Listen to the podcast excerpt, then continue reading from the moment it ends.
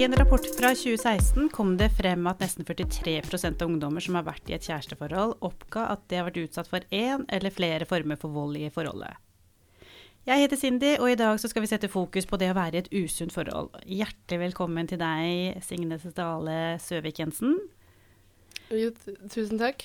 Du er 17 eh, år, og for omtrent en måned eh, siden så skrev du et veldig viktig og godt debattinnlegg i Sid i Aftenposten, der du tematiserer nettopp dette. Så ble jeg litt nysgjerrig. Da, hva var grunnen til at du har engasjert deg i akkurat dette temaet? Jo, jeg engasjerte meg i dette temaet fordi at eh, jeg har en del venner og venninner som har opplevd litt um, forskjellige hatt opp forskjellige opplevelser som har vært ganske ubehagelige og ekle. Eh, som har gått ut på usunne forhold hvor det har vært kontrollerende og mye forskjellig vold som eh, har vært Noen har vært mer åpenbare at er usunne, mens andre har ikke vært det, da.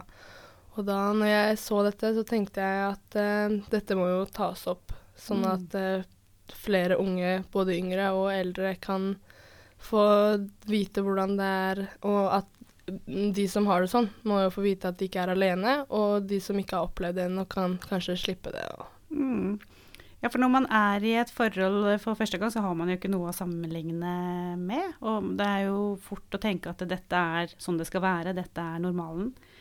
Eh, og det finnes mange former, ulike former for vold. Eh, og alle former er kanskje ikke like enkle å gjenkjenne uten at man vet noe om det.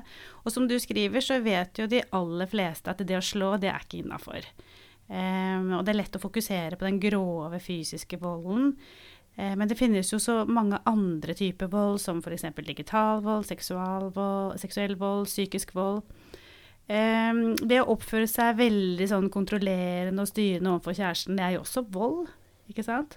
Ja, det er jo det. For du er jo Det blir jo psykisk, og det er jo kontrollerende på en negativ måte som påvirker hvordan eh, kjæresten tenker på seg selv, og hvordan den oppfører seg. Ja, eh, og det skrev du jo litt om i, i, innlegget ditt også, at det kom et eksempel. Det er liksom, hvis man da eh, skal da hele tiden følge med på hva du legger ut på sosiale medier, sånne ting, bestemme hvordan du ser ut på bilder, eller hvem du skal være venn med på, på sosiale medier, da, så er jo det en form for kontroll. Og da kan det jo være lett å romantisere et forhold. Tenke at eh, kjæresten er kontrollerende fordi at han er så glad i meg, eller hun er glad i meg, eh, og at det er litt søtt at kjæresten er sjalu. Um, for da betyr det at kjæresten virkelig bryr seg om meg, ikke sant. Hva tenker du om det? Ja, nei, jeg tenker jo at det ikke er så bra. Det er jo sånn uh, at uh, i filmer så blir jo det vist som at hvis uh, kjæresten din er litt sjalu, så er jo det bare at han elsker deg litt ekstra, men det er jo ikke det. For måtene de blir på når de blir sjalu og skal kontrollere deg for at hvem du er med, hvordan du kler deg, er jo negativt og helt feil på veldig mange måter, da. Man skal ikke kunne kontrollere eller bestemme hvordan det, kjæresten sin skal kle seg eller oppføre seg eller sånne ting, da. Hmm. Det har ikke noe med kjærlighet å gjøre? Nei, jeg vil ikke si at det har det. Eh, hvordan tenker du at eh, vi kan hjelpe ungdom til å gjenkjenne hva som er et usunt forhold, da?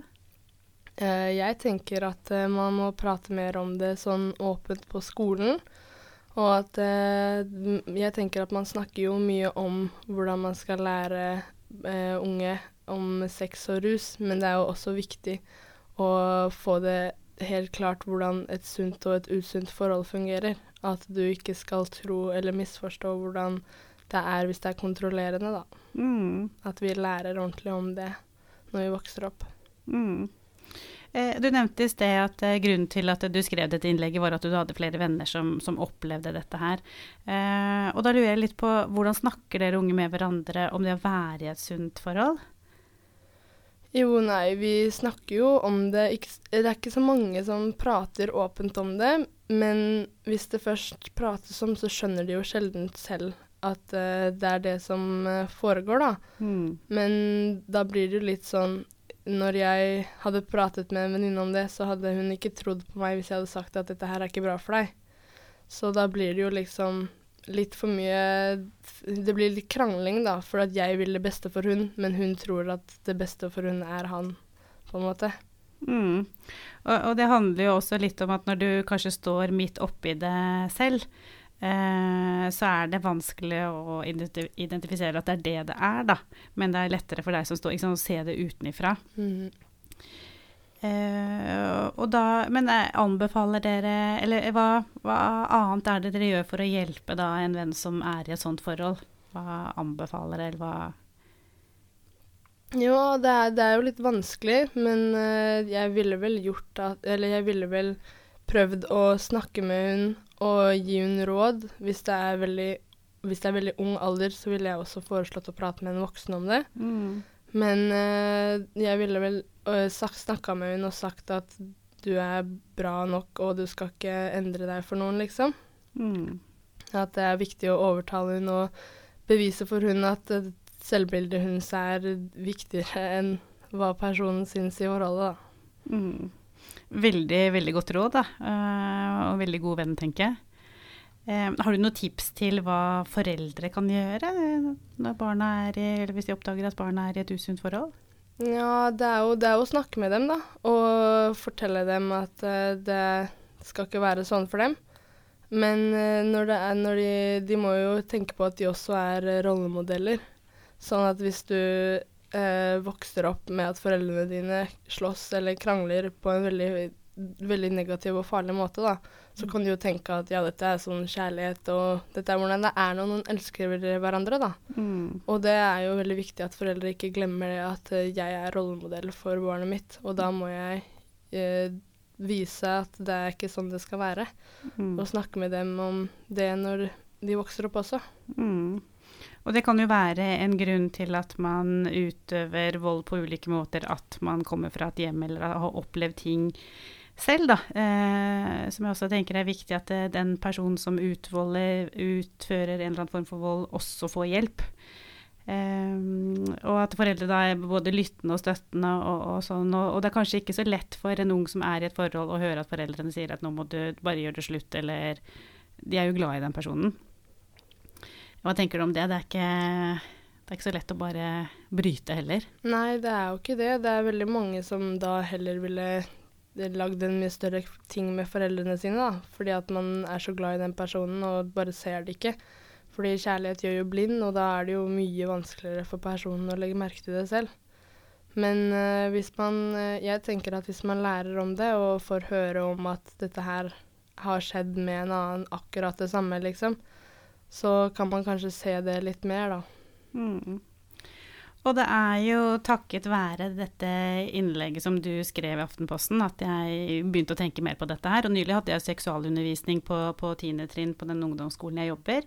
Eh, og da snakket vi om hva som var godt og sunt forhold, eh, og reflekterte rundt dette her sammen med elevene.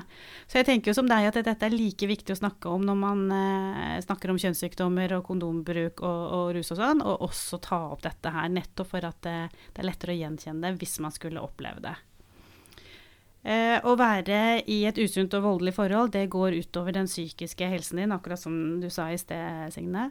Og det er så lett å tro at det er din egen feil, lett å unnskylde partners handlinger og mistolke det som kjærlighet.